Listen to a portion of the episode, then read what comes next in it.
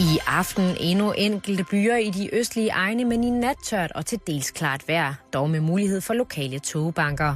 Temperaturerne kommer ned mellem 8 og 13 grader, og svag til frisk stedvis hård vind fra sydvest og vest, som aftager i nattens løb.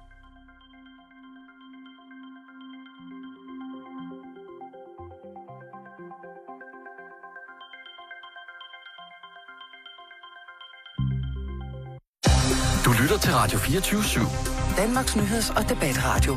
Hør os live eller on demand på radio247.dk. Velkommen til Halløj i betalingsringen med Simon Jul og Karen Strohrup. Velkommen indenfor i det her varme, varme radiostudie. Ja, og hvis du er i en, øh, en del af Danmark, hvor at vejret ikke har artet sig på en måde, så du øh, har det varmt lige nu, Mm. ja, så kan du trygt sætte dig foran det, som jeg vil betegne som en radiopejs. De næste, er det 54 minutter? Mm. Og blive varmet godt og grundigt igennem. Fordi at nu skal det handle om erotik. Jeg skal på forhånd advare svage sjæle, måske børn, eller dem, der passer på børnene, om at der i de, som sagt, næste 54 minutter vil være et særdeles bramfrit og til tider meget, meget malende sprog, som kan omhandle emner og ting, som ikke er for sart sjæl. Så er det ligesom gjort.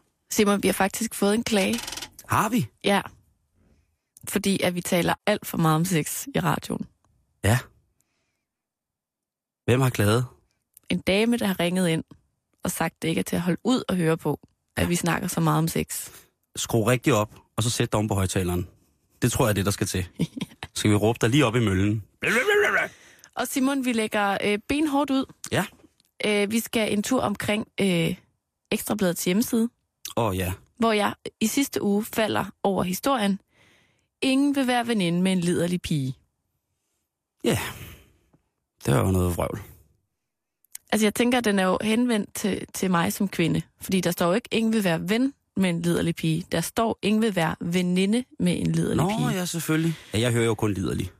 Du vil gerne have en liderlig Ja, ja, ja, ja, ja. Jamen, jeg har utrolig mange liderlige veninder. Det er slet ikke det. Der er simpelthen øh, tale om en undersøgelse, som er blevet publiceret i Journal of Social and Personal Relationships, hvor Nå. at øh, en flok psykologer øh, fra Cornell University har set lidt nærmere på, hvordan at vi forholder os til seksuelt promiskuøse personer. Eller, som Ekstrabladet formulerede, formulerede det, liderlige mennesker.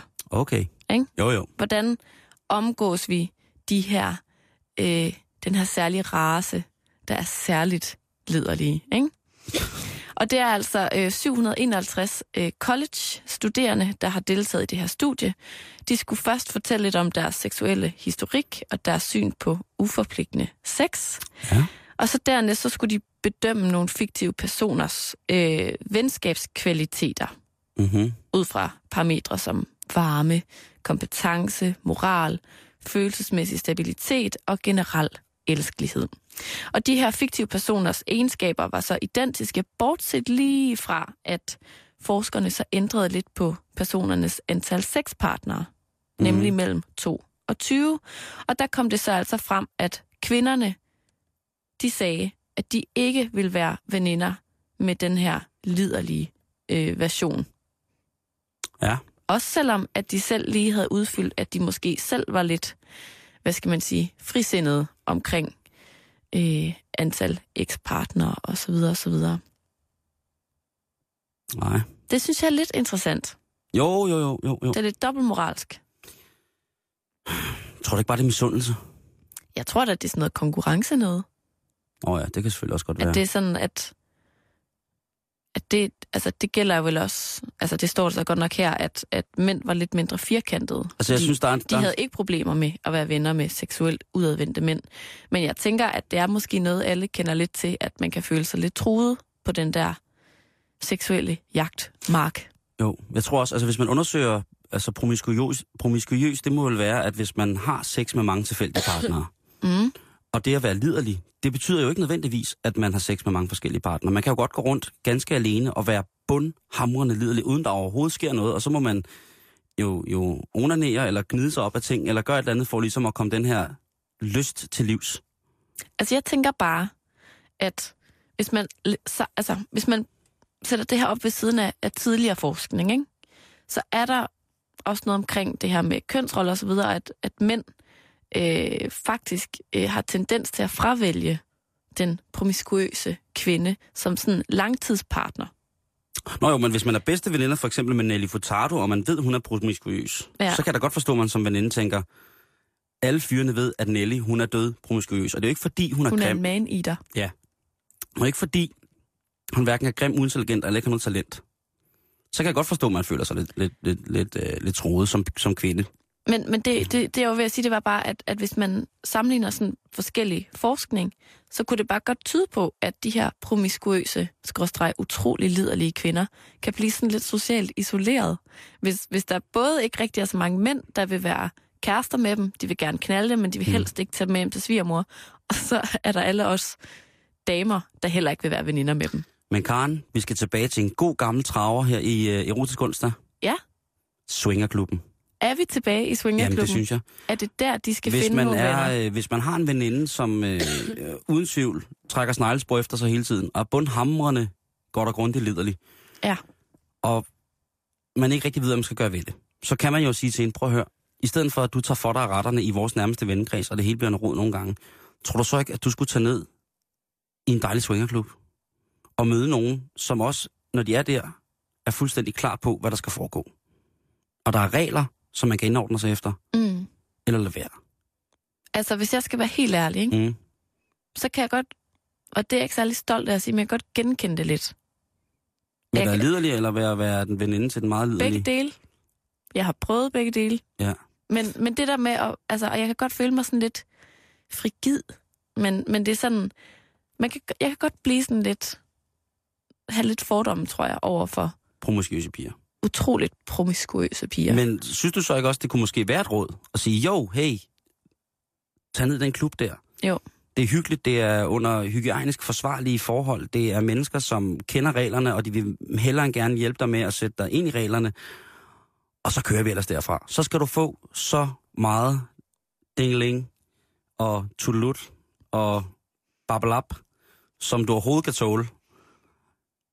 Og så behøver du ikke at gå og være, hvad hedder det, og hvis det så er endnu værre, hvis det er hver dag, og, og, og man bare slet ikke kan noget, altså så må man jo se lidt dybere på, om man, man er sexafhængig og har et problem der. Men jeg synes, du har en rigtig, rigtig god pointe, for jeg synes også, de blander begreberne sammen. At være liderlig og promiskuøs, det er jo, som du siger, to vidt forskellige ting. Ja, For det vil jeg, jeg mene. jeg går ud fra, at jeg har liderlige veninder.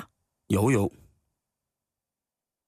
Altså, det, Det har du i hvert fald inde i ikke mit hoved. dem. Jeg har i mit ikke- hoved har du utrolig mange liderlige veninder, Karen. jeg har ikke spurgt dem for nylig, men jeg går ud fra, at, at de er liderlige Ja. i tid og utid. Ja. Men, men jeg tænker, at der er...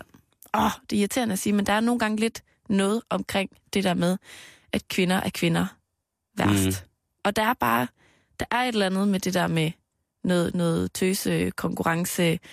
Altså, det er da også fordi, at jeg kan blive usikker på mig selv, hvis jeg sidder over for en, der sådan har en meget kraftig seksuel udstråling, og det ved jeg ikke. Sidder helt nøgen i selskab. Kommer, kommer I til selskabet kun i pandebånd og høje hæle. Nå, men du ved, så er man lige på, på femte date med ham her fyren, man synes er helt vildt sød, og så, så kommer ens totalt liderlige, promiskuøse, altid evigt nøgne veninde, Ja. og løber med al opmærksomhed, ikke? Altså, det, det kan jeg godt føle mig lidt Jamen, der må man, af. der, det må man jo godt sige fra overfor. Må man godt der- sige, tag lige noget tøj ja, på. Ja, ja, ja, Du skal eller- møde John for første gang. Lige præcis. Kan du ikke lige tage et bælte på? Ja, lige mindst, ikke? Solbriller. Det synes jeg, det synes jeg skulle er fair. Det synes jeg er fair. Men jeg synes i den grad, at man skal være veninder med de liderlige piger. Det synes jeg også. I den grad, det er slet ikke noget. Og hvis det bliver for meget, så skal man jo snakke om det. Slutbrudt finale, den er ikke så meget længere. Ja, og hvis man sidder der og bliver sådan lidt forarvet, så skulle man måske kigge lidt indad. Hvis man møder otte mennesker på en dag, som man synes er alt, alt for liderlige, så skulle man måske begynde at kigge på, hvordan ens liderlighed selv har det. God idé. Var, var, det, var det ikke okay? Jo, det synes jeg. Åh, det var godt. Erotisk-onsdag. Erotik. Du lytter til Erotisk Onsdag med Karen og Simon. Karen, nu kommer der en lille, en lille godtrådsskuffe. En lille ting, man kan sætte sig ned og notere ved, hvis man har lyst til. For nu skal det handle om der er jo meget, som tyder på, at vi i de varmere måneder dyrker mere sex. Ja, det siger du jo. Ja. Det er til, påvist helt tilbage fra de gamle Ægypterkaren. Det er jo det. Ja. Og der tænker jeg bare, der er jo nogle mennesker, som har det lidt sværere med sommeren end andre, eller har i det hele taget, sommeren giver nogle fysiske udfoldelsesproblemer i kraft af, at det er så varmt. Eller andre former for atmosfæriske forstyrrelser, havde jeg sagt. Der er for eksempel folk med, med astma og høfeber, ligesom mig. Mm.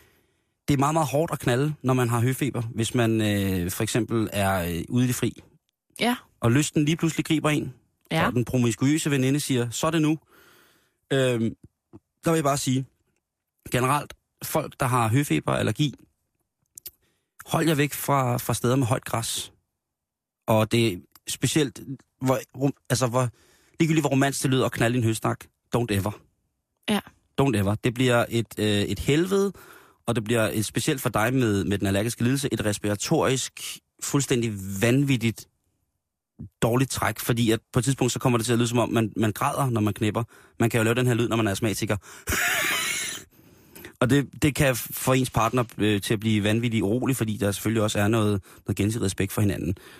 Så, så det er no-go i det hele taget. Sex udendørs, når det er pollensæson, lad være med det, hvis man har høfeber. Sådan. Det, det, det, det forkorter nydelsen. Okay. Derimod, en lidt dyr, men effektiv måde at holde styr på pollen, øh, hvad hedder det, koncentrationen indendørs. Der kommer også noget, noget pollen ind, når man lufter ud og sådan nogle ting og sager. Man kan få en luftrenser, Smart. lige præcis. Man kan få en luftrenser, som simpelthen renser luften for både pollen og støv, hvis det er en af de helt dyre. Det er en lidt øh, bekostelig affære, men den holder i lang tid, og man kan nemt skifte filtrene ud, og det gør altså en væsentlig forskel. Mm. Så er der sex, når man er solskoldet. Man kan jo godt have ligget på stranden hele dagen, Det kan man da og sagtens. blive, altså, at blive helt ristet fra top til to. Ja. Og så kommer man hjem om aftenen, og så tænker man ved hinanden, gud, hvor er vi dog lækre ristet sammen. Skal vi ikke lige? Og så kan det ene tage overhånd, og det her med, at man ikke har så meget tøj på, og igen liderligheden spiller ind.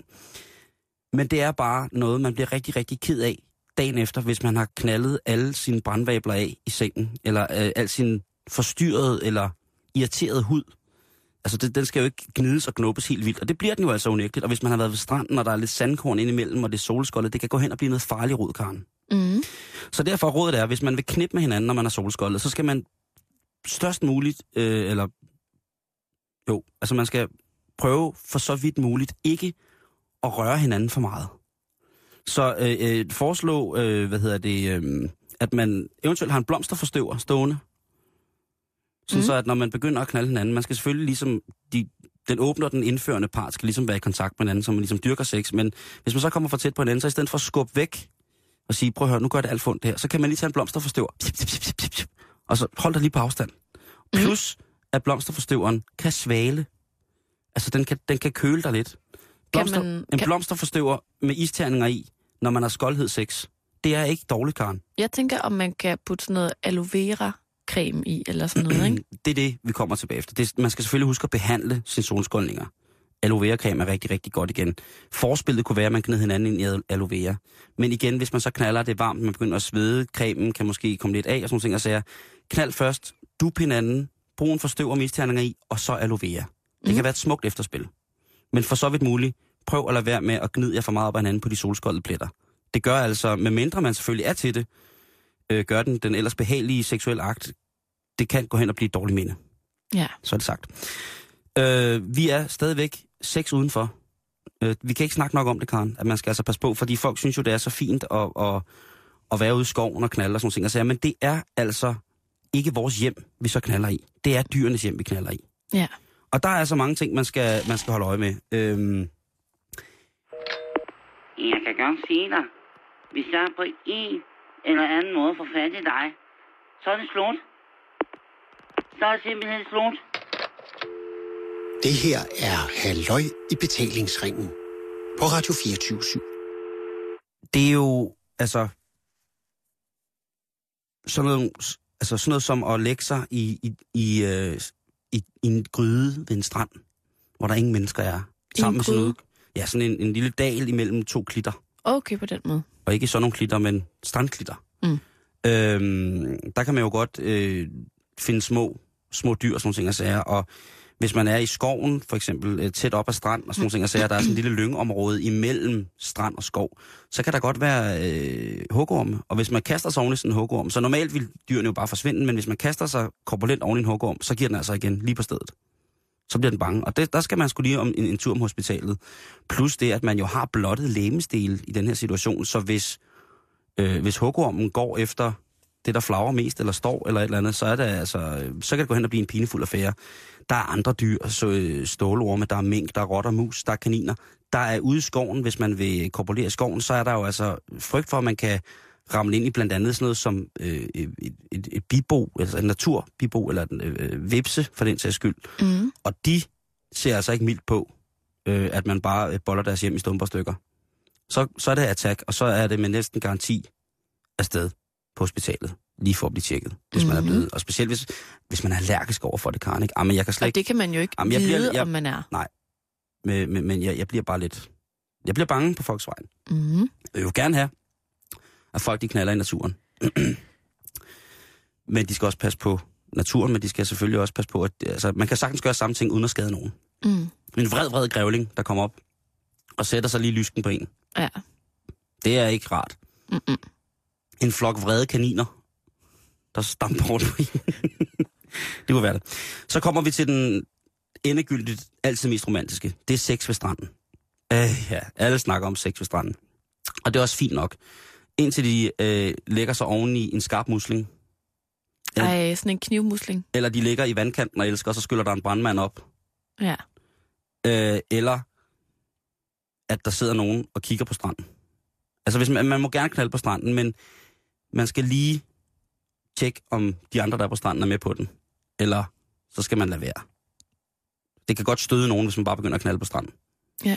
Sådan helt fyldt, øh, helt fyldt øh, hvad hedder det, et blåvandshug strand der, hvor man må køre på og sådan noget, og så lige en ordentlig tur. Jamen altså, man skal lige, lige kigge sig om.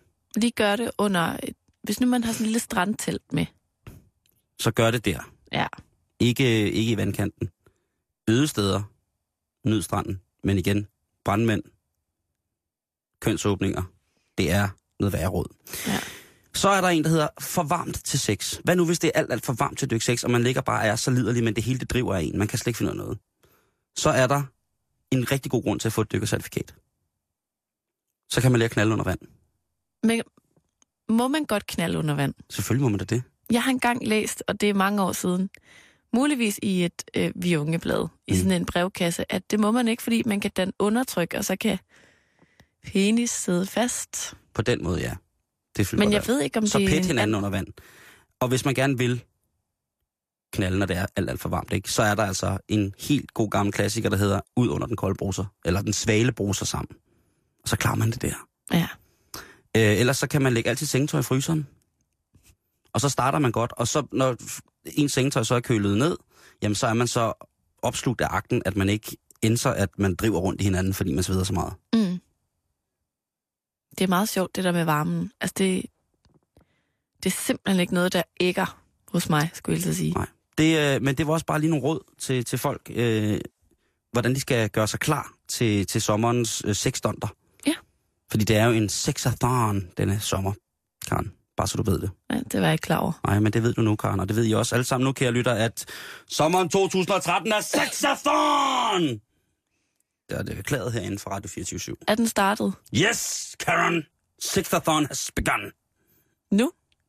Den er kørt siden forgårs. Shit. Mm. Er der, sådan, er der præmie til vinderen? Nej, nej, nej, nej, nej, nej, Karen. Sex er ikke en konkurrence, Karen. Hvis det først bliver en konkurrence, Det gælder ikke taber, om at komme hurtigt i mål.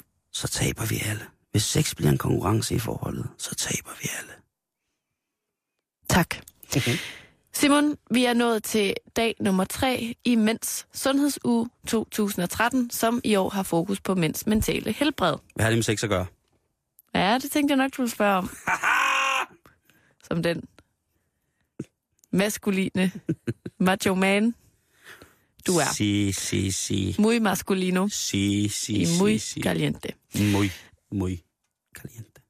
Men i dag, der skal vi snakke om det med et, et lille erotisk pift. Det er jeg sgu glad for. Og vi snakker jo om de her ting hver dag den her uge, mm. fordi at vi vil gerne bryde nogle tabuer. Vi vil godt have, at øh, mænd skal kunne snakke endnu bedre om deres mentale helbred end kvinder. Og øh, Lad du mærke til det? Endnu bedre. Jamen, jeg hørte det godt. Satan, du. Altså, jeg stiller den på spidsen. Men jeg tænker jo, at mænd skal have lov til at snakke om de her ting på mænds måde. Ja, men det er også rigtigt. Og det vi to måske kan hjælpe lidt med i dag på denne erotiske onsdag, det er at, at mm, hvad skal man sige, give nogle eksempler på, hvordan at man kan som kvinde læse mandens øh, behov, Yes. hvis han har det dårligt. Fordi jeg har nemlig tænkt over, hvad gør man, hvis nu at man er i et forhold med Mhm. en mand, Ja, mand. og jeg er kvinde, Mm, dam. og at jeg kan mærke, der er et eller andet galt. Der er ikke, det kører ikke helt. Øh, og at den der, det der triste, lidt dårlige humør bliver hævet med ind i dobbeltsengen. Ja. Hvis du forstår. Forstår det. Ikke? Hvad skal man så gøre som kvinde? Og der har jeg simpelthen lavet to øh, situationer, som jeg gerne vil snakke med dig om. Mm. Øh, igen, ikke som al, hvad hedder sådan noget, endegyldig sandhedsekspert, men Ej, mere bare som det er vi jo Simon. ikke. Nej, Ja. nej, nej, nej. Ikke, jeg er ikke læge, jeg er jo ingenting. Jeg kan bare kun tale ud fra min personlige erfaring. Og Karen ønsker hermed, at jeg skal inddrage mig selv personligt i den her problematik, og det gør jeg med glæde. Altså, du er uden sammenligning den mand, jeg taler mest med sex. Altså, det menneske, den mand, tror jeg faktisk, jeg taler mest om sex med. Jamen, du er også den kvinde, jeg taler mest med sex om. Så, så derfor er det oplagt for mig at spørge dig, ikke? Karen, du må spørge om alt. Øh, jeg ved ikke, hvad de skal hedde, manden og kvinden. Har du ah. noget bud? Vi kan også bare sige han, hende. Ja, Så, det, så, Ja. ja. så, så, hvis du, kan lytte og sidder derude, så kan du ligesom tænke dit eget navn ind Ja, lige præcis. hvis det er dig, Lige det her præcis. handler om, ikke? så er det Johannes. Ja. Okay. Eksempel nummer et. Er du klar? Sig. Der er gået næsten fire uger, hvor det kun er hende, der har taget initiativ til sex. Det går hende på, fordi hun er bange for, at han ikke har lyst til hende, samtidig med, at hun savner, at han ligesom overmander hende en gang imellem. Hun er bange for at tage snakken med ham, fordi det kan føles som en kritik af hans seksuelle formåen. Hun ved, at han tumler med noget, og vil ikke gøre ham i endnu dårligere humør. Hvad skal hun gøre? Start med at spørge, hvad han tumler med. Hvis de er i et forhold. Hvis de er i et forhold og tænker, de har måske været det lang tid, så spørg, hvad han tumler med, inden du spørger om det der med sex. Så kan man altid spørge om, har det, noget med, har det så noget at gøre med, at du ikke har lyst til at overmande mig? Der er, man, man kommer ingen steder med tavshed, og måske kan han føle at, eller måske kan hun føle at, det kommer du ingen fucking vejen med. Man bliver nødt til at sætte nogle ord på det i en situation, og hvis det er fire uger, så er det vist også på tide, man lige spørger. Jamen, det er nemlig med vilje, jeg har skrevet fire uger, fordi Mm. mm. det er jo lige knap en måneds tid. Ja. Er det okay, at vi som kvinder øh, tænker, mm, hvad, hvad foregår der her efter fire ugers øh, mangel Tørvande. på... på nej, men de har knaldet, men han har bare ikke taget initiativ. Nå, Altså, okay. det er kun hende, der okay, ligesom okay, sørger for okay, at holde okay, sexlivet i okay, gang. så er, så er jeg... Jamen, så skal hun jo spørge, hvad han tumler med. Lad os sige, hun har allerede spurgt om det, og han siger, ja, jeg har det ikke lige sådan helt vildt fedt for tiden. Er det så stadig okay, at man, man tager sexsnakken og siger, sød skat, Ja, Er det der er et det jo, men det er smag og behag. Altså, det er jo det, der er så fantastisk ved, ved psykologi og seksologi på den her måde. Det er smag og behag. Hvad, hvad, hvad de synes, deres forhold byder sig. Hvad det, hvad, kan det være, at hun har en, en anelse om, hvad det er, der, der, der trykker ham, eller sådan nogle ting, og siger, jeg synes, jeg synes de bliver, at hun bliver nødt til at snakke om det, ikke? Og så hvis de har været kærester lang tid, og måske har børn og sådan nogle ting, og så, så bliver de nødt til at finde ud af det sammen, ikke? mm, Øh, fordi ellers så bliver det aldrig godt. Og hvis det er hende, der altid tager initiativet, jamen, eller hende, der har taget initiativet de sidste par gange her, jamen, hvis det er noget, der virkelig går hende på, mm, så bliver hun nødt til at snakke med sin partner om det. Det bliver man nødt til at gøre med sex. Og os- det er igen en af de store tabuer, ikke? Lad os sige, at øh, manden i, i det her forhold øh, er gået ned med stress. Ja. Og har det rigtig svært, og ligesom måske ikke sådan i, i sådan midt på det aller værste sted i den her proces, men, men de er ligesom inde i det, og de snakker om det, og så videre, så videre. Mm.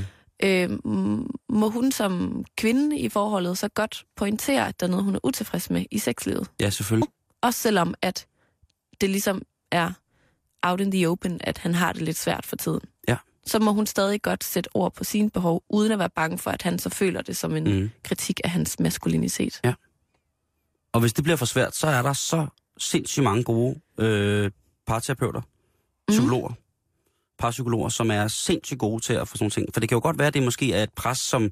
Det kan være, det er det, der er presset. Mm. Og det er meget, meget, det kan godt være utrolig svært at øh, få fucking over sine læber som mand. At sige, prøv at høre, ja, det, det er det, hvis man ligesom har kastet alle facader foran en pige, og nu er man bare den, man er. Bortset fra, der lige er noget, man ikke lige har husket at snakke om. Ja. Så få noget hjælp, men til at starte med at snakke om det. Øh, og spørge, om der er noget, man kan gøre. Og, og ved du hvad? Jeg tror bare, at i alle parforhold, der er det sådan, at jamen, der er perioder, hvor det, at sexu- det, sexlivet ligger hos en. At Ja. En af parterne. Jeg tror ikke altid, man kan... Jeg tror ikke på, at man igennem helt langt liv kan følges ad sådan fuldstændig lige og give lige meget og tage lige meget i, i, i, i sexlivet. Mm-hmm. Jeg tror, der er nogle perioder, hvor man, hvis man har det til at overleve, jamen, så skal, er der nogen, der skal tage førerhandsken på, så at sige. Og, og, og så bare undersøge løs. Nå, vi, vi hopper videre til eksempel mm. nummer to. Yes. Var det et helt åndssvagt svar? Ej, det synes jeg ikke. Jeg synes, det er meget interessant. Altså, jeg spørger jo, som jeg også har nævnt, Mm. øh, mandag og tirsdag denne uge, som kvinde, fordi at vi har jo også mange damer derude, der lytter med, Ja, ja, det har vi. som rigtig gerne vil være der på en god måde for mændene i vores liv, mm. når de har det dårligt. Og vi har masser af følsomme mænd. Ja, Sindssygt følsomme mænd. Øh, har I et, et bud på, hvad man kan gøre, hvis øh, sexlivet øh, ligesom står på en måde, hvor at det er den ene, der hele tiden tager initiativet, eller hvor du føler, du er den, der tager initiativet? Smid det ind til os. Øh, der er masser af erotisk onsdag nu i 2013. Halløj i betalingsringen, eller facebook.com betalingsringen. Der er vi at finde. eksempel nummer to. Yes. Og det er ikke det samme par, det er et andet par nu. Det er ikke Johannes. Nej. Okay. Det er Jysmyl og Ykdra. Jysmyl. Tyrkisk baggrund. Fantastiske mennesker. Ja. Der er gået næsten fem uger, hvor de ikke har haft sex. Hun er bekymret, for hver gang hun prøver at forføre ham, får hun en afvisning. Indimellem en lidt hård en af slagsen, hvor hun ikke kan lade være med at tage det personligt. Næsten som om hun irriterer ham bare ved at spørge. Men som regel er han bare træt, travl eller har ikke lyst, og det vil hun gerne respektere. Hun har forsøgt at snakke med ham om det, men han svarer hver gang, at han bare lige er inde i en lidt travl periode med arbejdet og så videre. Hun vil gerne tro på ham, men hun er i tvivl, om det bare er en periode, eller om det stikker dybere. Hvad skal hun gøre, Simon Jul? Ja. Jeg tror, hun skal gå ham stiv, og så tage fat om pikken, og så bruge den som mikrofon og råbe ned i den. Hallo? Er der nogen? Er der? Hallo? Hallo? Er der nogen hjemme? Jeg vil godt lige snakke med dig. Vi snakker fem uger uden sex, og, og, og vi har med at gøre en mand, der, der, øhm, der indimellem også er lidt vrissen, Mm. tror jeg. Ja. Lidt, lidt underskudsagtig. Ja. Travl, stresset. Åh, har ikke lige tid, har ikke lige lyst. Det, det er svært øh, at, at, at se fra mit synspunkt, hvad man ligesom skal gøre. Men, men hvis man er har en mand, der er sådan stresset på den der måde, Mm. øh, igen, jeg kan ikke understrege nok, øh, hvor, hvor vigtigt jeg synes, det er, at man lige sludrer lidt om, om tingene. Ikke? Mhm. At man lige bringer det, man bringer det på Ja. på en ordentlig måde. Ikke? Øhm, og medmindre hun lever i et forhold, hvor han er fuldstændig alt dominerende, hun retter sig og kæft til retning og gør alt muligt, øh, og har det mest øh, konservative gamle kønsrollemønster, jamen, så er der selvfølgelig også plads til, at hun siger, hey skat, prøv at høre. Her, Jysmøl. Vi har ikke øh, haft det going on. Altså, du har ikke sat, øh, du har ikke sat Al Green på i fem uger. Hvad fanden foregår der? Øhm, det, det, igen, det er det, jeg vil, vil starte med. Ikke? At, altså, hvis, hvis det er et forhold, man gerne vil blive ved, i, blive ved med at have, Mm. jamen altså, så må man jo øh, så må man kæmpe for det. Der er ikke så meget andet at gøre, og i, i forhold ligger der selvfølgelig også sexlivet. Og hvis sexlivet er blevet for ke- kedeligt, øh, og man tillægger det en kæmpe, kæmpe stor vægt på os, det er der jo mange folk, der siger, at om sexlivet, uha, det er så vigtigt. Sådan, realiteten er vel i virkeligheden, at folk, som tit og ofte har været gift i rigtig, rigtig mange år, de har et sexliv. Øh, Nogle har et sexliv, som er meget, meget velfungerende. Andre er i virkeligheden rigtig, rigtig gode venner, og måske er sexen ikke blevet det vigtigste. Mm-hmm. Øh, og selvom vi sidder og bræger ørerne fulde på folk om, at et velfungerende sexliv også er lige med et mentalt stabilt helbred, jamen altså, så kender jeg der masser af eksempler på, hvor det ligesom fungerer på den måde også, at man siger, at jeg, jeg er sgu ikke... Øh... Jeg tænker jo, problemet er, at når det er den ene, der ikke har lyst, mm. altså så ligger der jo bare stadig et menneske der ved siden af, og ved ikke, hvad, hvad i det her tilfælde, hvad hun skal stille op med al sin liderlighed. Mm. Og at jeg tænker, begge eksempler er jo bygget op omkring nogle af de ting, vi har snakket om i den her uge. Mm. Ikke? Altså nogle af de symptomer, mænd kan have, når, når, det, når det handler om stress eller depression eller mm. noget andet sådan mentalt, ja. der ikke er helt øh, i top.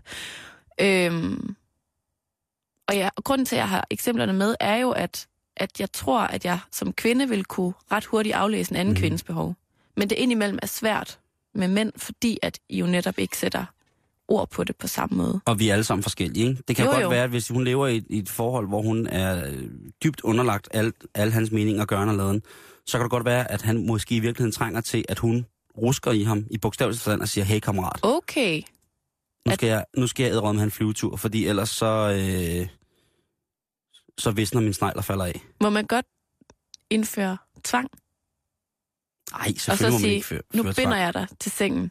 Det må man selvfølgelig ikke. Man må ikke tvinge nogen til noget, men sådan en lige, sådan en, en, en lidt øh, overlagt forføring, det synes jeg ikke, man, man skal skort på at prøve på. Hvis hun har prøvet på det, og det også er en, en voldsom afvisning, eller det måske er noget, der i virkeligheden skaber mere afstand til ham, så skal det selvfølgelig ikke ske, og så skal man selvfølgelig sige, "Åh, prøv at høre, undskyld, men jeg gør det altså det her, fordi at, Skal man øh, inddrage øh, hans venner, når det handler om sex? nope. Så man skal ikke lige ringe til Yg- Ygdyrs, hvad var det? Mm, Ylmus.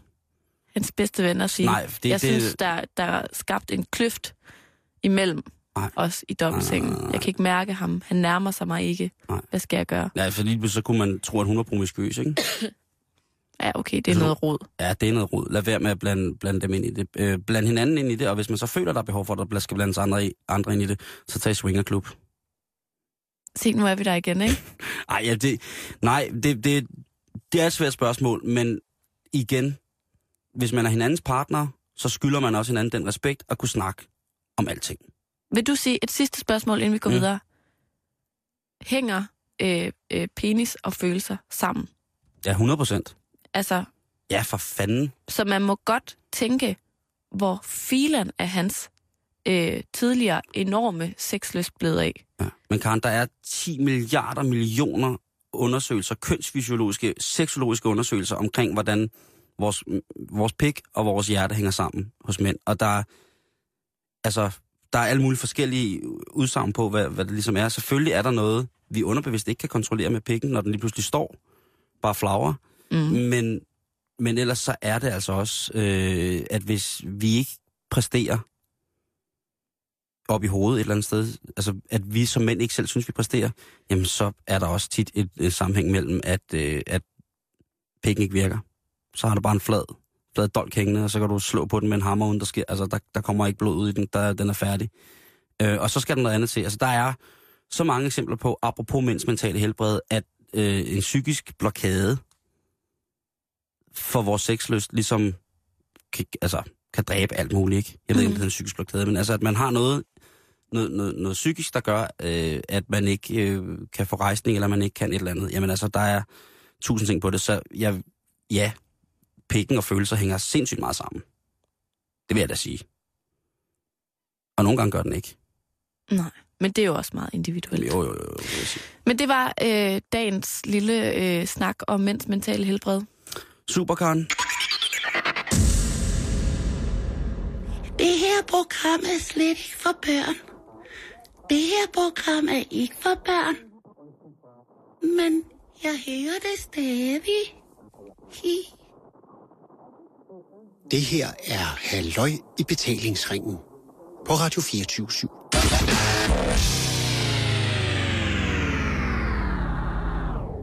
Øhm, nu skal vi til noget, som øh, er det, som jeg hedder øh, den sande knippequiz. Okay. Og det er en quiz, som jeg selv har lavet. Fordi det plejer altid at være dig, som regel, der laver quizzer. Når jeg gør det, så går det altid galt. Men Ja. nu har jeg lavet en selv. Så kan det ikke gå galt. Nej, det, nu er det fandme vildt. Og øh, jeg synes bare, er du klar? Mm. Okay. Spørgsmål nummer et. Ja. Monika Lewinsky og Bill Clinton. Cigarhistorien. Ifølge historien skulle Monika have knippet sig selv med en cigar, imens Bill så på og hæv sig selv i rotten. Men hvilken international politisk personlighed skulle efter sine have ventet tålmodigt i haven på audiens hos den amerikanske præsident? Og så får du nogle valgmuligheder. Altså imens? Ja. Okay. Altså, de har lige knaldet, men det var lige inden, at præsidenten skulle noget. Okay. Ja. Og hvem har efter sine siddet i det hvide husets have og ventet på, at Bill blev færdig med at flå sig selv i aben? Var det A. Vlaslav Havel? B. Var det Yasser Arafat? Eller C. Var det Margaret Thatcher? Arafat. Det er rigtigt. Man ved jo ikke, om øh, historien er sand, men det er den øh, tråd, der løber aller, aller længst. Det er, at øh, mens det er skete, så udenfor sad jeg siger, at Arafat og ventede, imens Bill han stod med bukserne ned og manglerne, og Monika hun knaldede sig selv med en cigar. Det har været skønt. Det er en god historie, synes jeg. Lige præcis. Spørgsmål nummer to i quizzen. Ja. Du har en rigtig indtil videre. I påsken 2008 tog Socialdemokraten Jeppe Kofod lige lovligt meget mad på sin politiske tallerken, da han gennemelskede en 15-årig til DSU påskefest i Esbjerg. Hvordan artede Jeppes karriere sig derefter? Der er tre svarmuligheder. Mm. Han droppede politik mere eller mindre og åbnede en sexkiosk i Rønne sammen med sin barndomsven. Det er nummer A. Eller det er svarmulighed A. Svarmulighed B. Han blev genvalgt som folketingskandidat og udenrigsordfører igen det samme år. C. Han gik i behandling som sexafhængig og fik job i den private sektor som Human Relations konsulent. Oh, den er svær, Mm-hmm. for jeg ved det ikke. Så jeg bliver nødt til at gætte. Ja, gæt. Jeg tror faktisk, det er B. Det er fuldstændig rigtigt. Ja. At på trods af, at han trak sig tilbage øh, efter sin mere eller mindre heldige eskapade på Esbjerg Højskole, så blev Jeppe Kofod altså genvalgt som folketingskandidat og udenrigsordfører igen i 2008, samme år som han havde, havde knaldet løs i påsken. Ja, jeg synes nok, der var noget med det. To rigtige, Karen. Ej, det går godt. Fandme god, den her sexquiz. Tak. Nummer tre. Den grønlandske præst og politiker Jonathan Motsfeldt, som blandt andet er indehaver af den islandske falkeorden med kommandørkors og stjerne, blev i 2008 anklaget for sexikane. Han trækker sig fra det grønlandske landsting, men hvordan endte sagen, Karen Strup? Svarmulighed A. Jonathan gik til bekendelse og indrømmede over for politi og anklager at have forulempet en kvindelig funktionær i hans hjem under dennes toiletbesøg. B. Jonathan gik på klipperne i det nordøstlige Grønland i tre uger for over for Gud at søge trøst og tilgivelse. C. Sagen blev droppet på grund af manglende bevisførelse for kvinden, der anklagede Jonathan. Hun kunne simpelthen ikke erindre, hvad der egentlig var sket. Jeg tror, det er træeren. Det er rigtigt. Ej, hvor det går godt. Ej, det er godt, Karen. Hold nu kæft. Spørgsmål nummer 4. Ja. Var tre rigtige indtil videre. Mm. Venstres Flemming Opfeldt, tidligere fagrumborgmester, blandt andet imens Brixtofte var skatteminister. Hans hjerteløse ugerning kostede ham fire måneders betinget fængsel. Men hvad var Flemmings ugerning? Nu skal du holde fast. Ja. A. At han gentagende gange havde haft anden kønslig omgang med sin nabos tamkaniner. B. Han havde haft et seksuelt forhold til en 13-årig dreng, han havde fundet på netten, nettet. Eller C. Han havde troet Peter Brikstofte med at voldtage ham. Venstres Flemming Opfeldt. Det er knip i politik, vi snakker quizzen. Ej, jeg tror, det er træeren. At øh, han havde troet Peter Brikstofte med en fuld voldtægt. Det er desværre ikke korrekt. Venstres Flemming Opfeldts ugerning var, at han havde haft et seksuelt forhold til en 13-årig dreng, han havde mødt på nettet. Det var noget af en ugerning. Ja.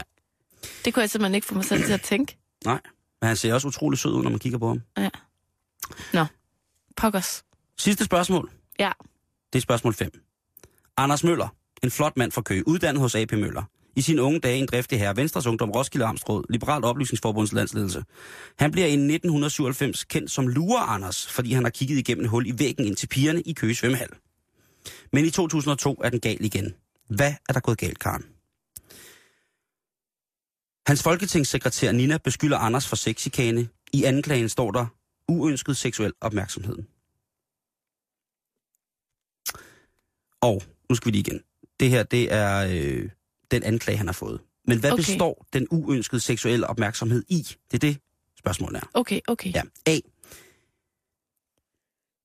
Der har for offentligheden ikke været adgang til disse detaljer. B. Han duftede til hendes stol og hendes overtøj, når hun ikke var der. C. Han gav hende ofte et lille rap i bagdelen, imens han sagde noget på fransk. Ah, det er at se. Han gav hende ofte et lille rap i bagdelen, imens han sagde noget på fransk. Ja. Det er forkert. Der har for offentligheden ikke været adgang til disse detaljer. Nå. Men det er altså øh, tre rigtige ud af fem. Det er da meget godt. Det er langt over halvdelen, Karen. Ej, jeg synes, det var en god quiz. Synes du, det var en god Ja, quiz? sådan en må du gerne lave igen. Okay. Jamen, øh, det kan da være, at øh, jeg skal gøre det.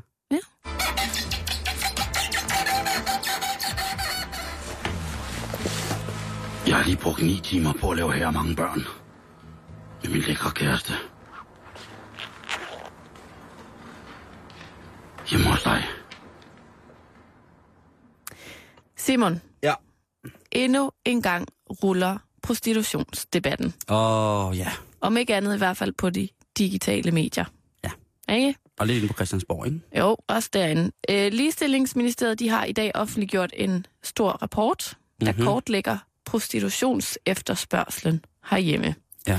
Og der er altså over 7.000 repræsentativt udvalgte danske mænd, der har deltaget i den her undersøgelse, der viser, at flertallet af danske mænd synes, det er forkert at købe sex af en prostitueret, som er offer for menneskehandel. Det er jo meget godt, kan man sige. Ja. At der ligesom er et flertal, der synes, at det er ikke så godt, det der med, med øh, human trafficking og så videre, og så Mm. videre. Øh, men, Simon, 15 procent af de adspurgte, de kan simpelthen ikke se problemet i at købe sex af en handlet kvinde, og så 16 procent af de adspurgte, de har ikke sådan rigtig taget stilling, de har ikke rigtig fundet ud af, hvad deres holdning er til det her med øh, handlede kvinder. Øhm, og nu er det ikke fordi, at vi to vi skal til at diskutere for eller imod et forbud af prostitution igen. Jeg tror, øh, de fleste af vores lyttere ved, hvor vi står. Mhm. Vi har diskuteret det mange gange. Skal huske at give drikpenge. Det gør du altid. Ah, jeg tipper. Jeg tipper voldsomt. Om det så er bare en lille pose med tomme flasker, den bliver tippet. Fordi altså, politikerne, de har jo både øh, altså, talt og stemt, og der, der Ja. er jo ikke noget forbud Nej. imod det. Øh, og Manu Soren har da også været ude og, og sige det mange gange i medierne i dag, men samtidig siger han, at vi er nødt til at gøre noget ved øh, de danske mænds holdning til prostitution, i særdeleshed handlede kvinder. Og Simon, det skal ikke lovgives væk. Det skal oplyses væk. Okay. Hvis du havde sagt, at det skulle knippes væk, så var jeg blevet vred. Ej, det skal oplyses væk. Godt. Ja. Og hvem tror du, der er hurtigst på banen, når det handler om det her med, hvordan skal vi undgå noget med, med de udenlandske prostituerede herhjemme? Det må være Joachim B. Olsen. Ej, det er meget tæt på. Anders Samuelsen. Ma- ah. Ej, det er ikke tæt på politisk egentlig. Nå. Det er mere sådan hovedbeklædningstæt på, måske. Joachim B. Olsens hovedbeklædning. Hmm. Pas. Det er Dansk Folkeparti. Ja. Jeg øh, hentyder selvfølgelig til det her med sådan udlændingedebatten, ikke? Ja. Okay. Fordi at de er nemlig på banen i dag med et rigtig spændende forslag. Ja. Under overskriften Køb dansk. Ja. Hold kæft, det er vildt. Helt konkret så udtaler de til Berlingske Nyhedsbyrå, og jeg citerer, man skal lave en kampagne, hvor man opfordrer til ikke at købe udenlandske kvinder. Det hjælper overhovedet ikke at tale forbud mod prostitution, for så ved vi, at de fleste ender i en kælder, og at det sker alligevel. Men man skal jo gøre det meget klart. Lad være med at købe sex af udenlandske kvinder, siger Pia Adelsten, der er ligestillings- og EU-ordfører for Dansk Folkeparti. At de fyrer den godt nok af for tiden, Dansk Folkeparti. Altså, jeg kan ikke regne ud om, enten er det... Altså, det er jo så lavt på nogle punkter, et eller andet sted, så det provokerer mig helt hjernedødt, det de siger. Nogle gange. Altså, jeg synes jo, det er interessant, at man, man går ind og ligesom differentierer i øh, øh, den øh, gruppe af mennesker, der hedder Mm. mm. prostituerede. Ja. Altså, de går jo ind og, og, og fucker hele øh, konkurrencen op jo. Ja, det må man sige. Du kan ikke sige, du må ikke købe dem, du skal købe de andre kvinder frem for de kvinder. Altså, det er sådan en, det er en, det er en helt øh, skør øh, ja, den kan, jo, ikke? den kan jo ende hos forbrugerombudsmanden, Konkurrencenævnet. Konkurrencestyrelsen. Ja, styrelsen. Ja. Øh, jeg tænker også lidt sådan, at det er sådan, altså, groft sagt, ikke? Mm. så er det lidt, vi, vi er næsten ude i sådan et slogan, eller støt din lokale luder. Det Køb ikke, dansk. øh, øh, det vil ikke være forkert. altså, jeg, jeg ved ikke, hvad jeg skal sige. Jeg synes, det er så omsonst, det der. Men, men ligesom at vi har været så kede af, at øh, de lokale slagter og specialbutikker er lukket, ikke? Jo. Øh, fordi et eller andet sted, så har jeg en sy- sympati for de lokale luder. Mm. Det må jeg nok indrømme. Og på den anden side, så har jeg en dyb antipati for de mennesker, der bliver handlet til fordel for, for sex, eller til fordel for, at der er nogle fucking rige mennesker, der skal sidde og tjene penge på, at de sælger deres krop og får smadret deres liv fuldstændig på en eller anden måde. Ikke? Mm. Så det er øhm, igen en langt ude, men pissevigtig diskussion. Mm. Ja. Jeg synes, det er meget interessant. Det er det. Jeg ved ikke, hvad du synes, lytter, men du kan skrive din mening ind på vores Facebook-side, facebook.com-betalingsringen. Karen, nu skal du komme herover. Over til dig. Ja. Okay. Fordi at øh, nu skal vi til noget, som... Øh, som oh. vi her på redaktionen øh, har nyt godt af øh, på Erotisk Onsdag. Det er de erotiske noveller. Yes. Og øh, det fungerer på den måde, at øh, jeg læser en erotisk novelle op, eller Karen gør, og så den, som ikke læser, monterer med musik. Og det er et gammelt radiobegreb eller fænomen, øh, og selvfølgelig også film, hvor at Karen ligesom skal lægge øh, lyden til det, som jeg læser op. Mm. Og det er første gang, det sker. Øh, Karen, øh, der, der er musikken, Ja, tak. og her på den her, der øh, er der skruet op og ned. Okay. Så jeg går bare i gang med at læse Ja, historien. men det er så fint. Ja. Og den erotiske novelle, den er skrevet af Cavallito Caliente, og den hedder Jeg fik tæsk på La Santa. Jeg hedder Preben, og jeg er 68 år gammel. Hele mit liv har jeg arbejdet som slagter. Først for min far, og senere hen, efter at min far gik bort, overtog jeg forretningen og kørte den indtil for to år siden, hvor det så var min ældste datters tur til at overtage familieforretningen. Mit livs kærlighed og kone igennem 32 år gik for tre år siden bort, og jeg har været alene siden. Tabet af min kone var forfærdeligt, og det hul, hun efterlod i mig, har gjort, at min seksualitet mildest talt har været ikke eksisterende. Men sidste år spurgte min gode ven Ib, om ikke vi skulle tage til La Santa Sport og prøve at tabe os lidt. Ib han mistede sin kone for fem år siden, så han kender min situation, og han har været en kæmpe støtte for mig, siden jeg selv blev enkemand. Både Ib og jeg er store drenge. Jeg er jo slagter. Vi er det, som lægerne kalder for godt overvægtige. Så da Ib spurgte mig, om vi skulle tage på seniortur til La Santa for at komme lidt i, bed- i lidt bedre form, var jeg klar. Sammen fik vi bestilt to uger til den spanske ferieø Lanzarote. I både det mentale og fysiske velværestegn. tegn. En måned efter stod vi så i vores lejlighed på La Santa. Vi havde flottet os og fået en lejlighed med udsigt over bjerge og pool. Umiddelbart efter vores ankomst skulle vi alle sammen mødes til velkomstaften.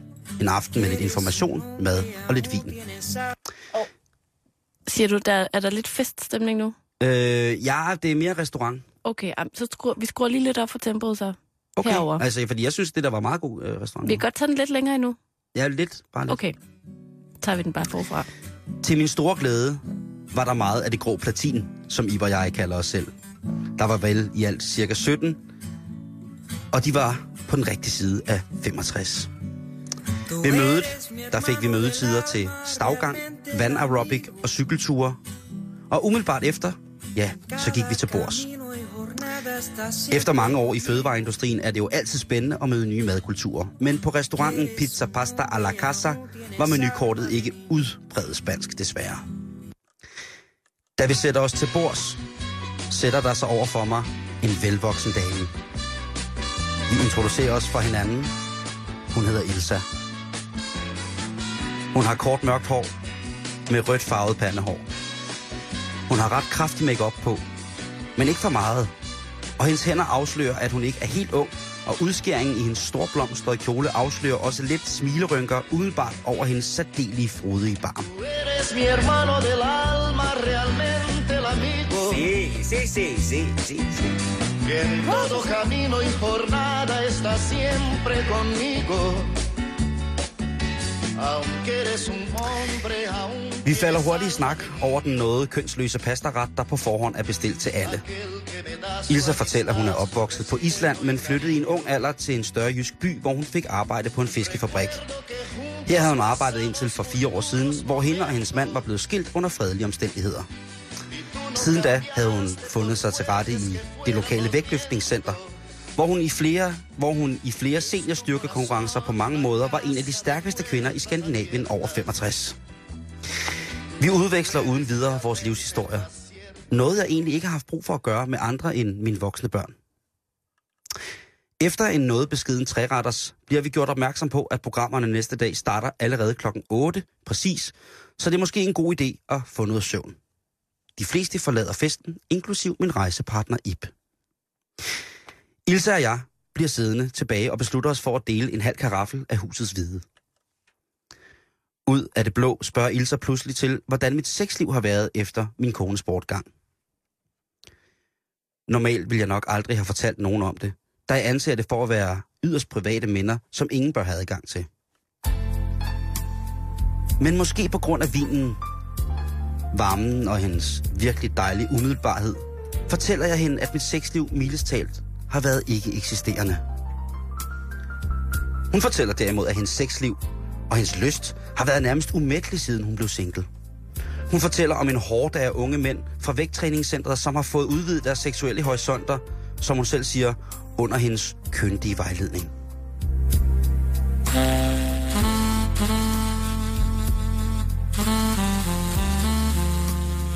Jeg kan mærke, at der er noget, der rører sig i mig, når jeg lytter til hendes fortællinger. Og som et chok og uden videre, som en vulkan, der pludselig eksploderer, ryger det ud af munden på mig. Skal vi ikke gå op til dig og dele lidt mere sød spansk vin? hun slår en latter op. Der dog hurtigt forstår mig, da hun kigger mig i øjnene og ser en oprigtig brændende liderlighed. Så læner hun sig ind over det skrøbelige plastikbord. Hendes bryster lægger sig fladt på bordet under hende, og så visker hun. Er du sikker på, at du er klar til det, senor?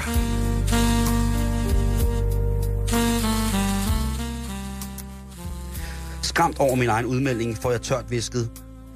Sig. Jeg mener, ja da. Fem minutter efter er vi i hendes lille lejlighed med vores kvarte karaffelvin. Hun beordrer mig til at sætte mig på øh, stuedelen af lejlighedens slå ud sofa. Og imens sætter hun sin iPhone i et lille transportabelt stereoanlæg. Og med et brager der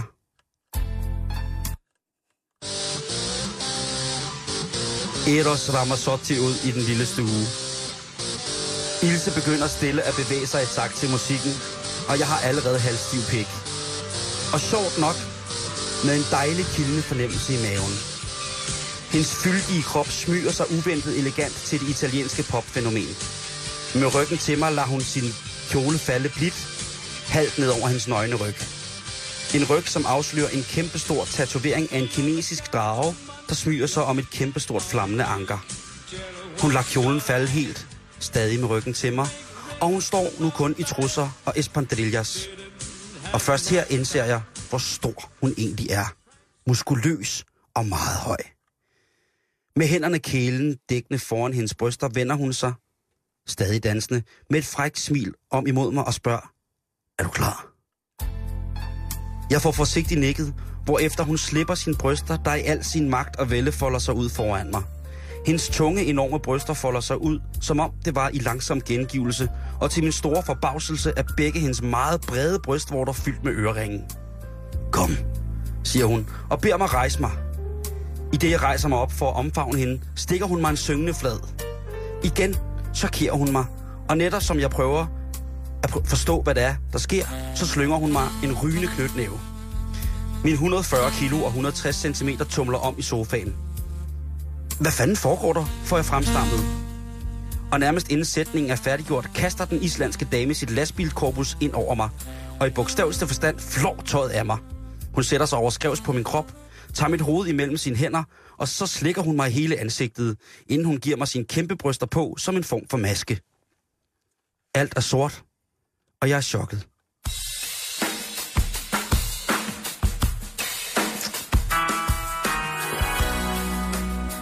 Resten af nattens detaljer får I ikke at vide. Det er nemlig hans egen. Det er Prebens egen. Til gengæld så humpede han hjem om morgenen, på lige før håndklæde, med sit iturevne tøj i en lille plastikpose, et blåt øje, riser over hele kroppen og en forstuet ankel. Og som man siger, selvom det var voldsomt, er det en af de bedste dage i mit liv. Tusind tak, La Santa Sport. Ilse og jeg, vi ses stadig.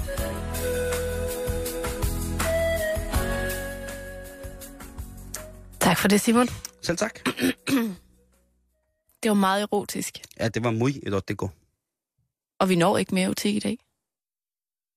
Mere albu! Mere albue! Hvad fanden skal man klippe for at få mere albu her? Fordi nu er det tid til Radio 24 Nyheder.